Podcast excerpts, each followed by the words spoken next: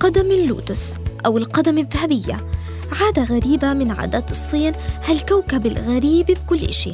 واليوم رح نكشف لكم سر القدم الصغيرة للفتيات الصينيات اللي كنا كشرقيات عربيات نتعاير فيهم وإنه نمرد رجلهم صغيرة. والقصة مش زي ما إنتو فاهمينها.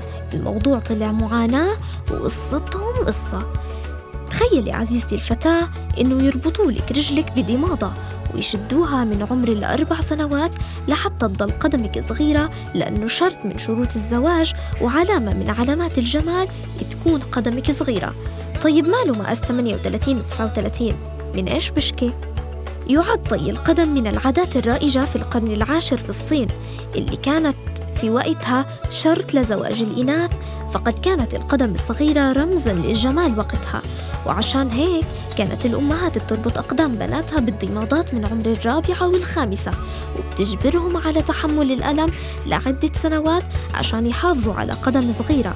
وبهيك تضمن إنه ينطبق عليها معيار الجمال وشرط الزواج ومستقبلها المرهون بعادات وتقاليد المجتمع الصيني. في مقابل هالعادة المؤلمة للفتاة الصينية في طقس مفرح إلها وقصة عذاب لزوجها المستقبلي. هالطقس هو حمل الزوجة فوق الفحم المشتعل. يعني مش بكفي إنه تورط. كمان بده يمشي على فحم مولع وبده يتحمل ألم ويضحي عشان معتقد بتآمن فيه بعض القبائل الصينية. وأصل هالمعتقد إنه لو الزوج حمل زوجته ومشى على فحم مشتعل رح تتسهل ولادة زوجته أو بتمنع الكوارث الطبيعية. وبهيك بنقدر نقول لشبابنا العرب طلع تدفع مهر مش مشكلة كبيرة. على الأقل بتمشي في ممر وبرشوا عليك ورد. وفي تفاصيل هالطقس بيقوم الزوج بحمل زوجته على ظهره حافيا وبيمشي فيها على فحم مشتعل. وبعض الأزواج بيختار ينفذ هالطقس الغريب والمؤلم وهم متوجهين لبيتهم.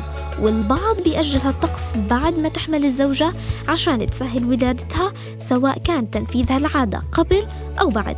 فهي من أصعب العادات وأكثرها ألم وخطورة في قاموس العادات والطقوس الصينية. حلقة اليوم اللي كلها عذاب انتهت.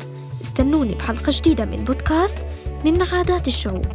إلى اللقاء.